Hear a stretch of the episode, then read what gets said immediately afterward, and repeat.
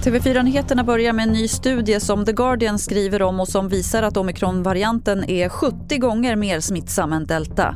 Jämfört med delta sprider sig omikron 70 gånger snabbare i bronkerna, alltså luftrören. I lungan däremot sprider sig viruset 10 gånger långsammare. Det skulle kunna tyda på att omikron leder till mindre allvarlig sjukdom och att viruset är på väg att utvecklas till en vanlig förkylning.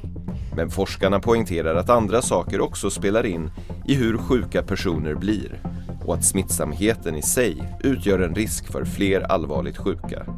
Reporter här var Per Liljas. Och Kanada avråder nu sina invånare från internationella resor som inte är nödvändiga. Och landets hälsominister säger att det beror på omikronviruset som sprids snabbt. Och I Ontario, som är den mest befolkade provinsen har man bestämt att de som tagit sin andra vaccindos kan boka den tredje dosen redan efter tre månader. Vi avslutar med något helt annat, nämligen att julbordet blir lite dyrare i år enligt en mätning som banken SEB gjort.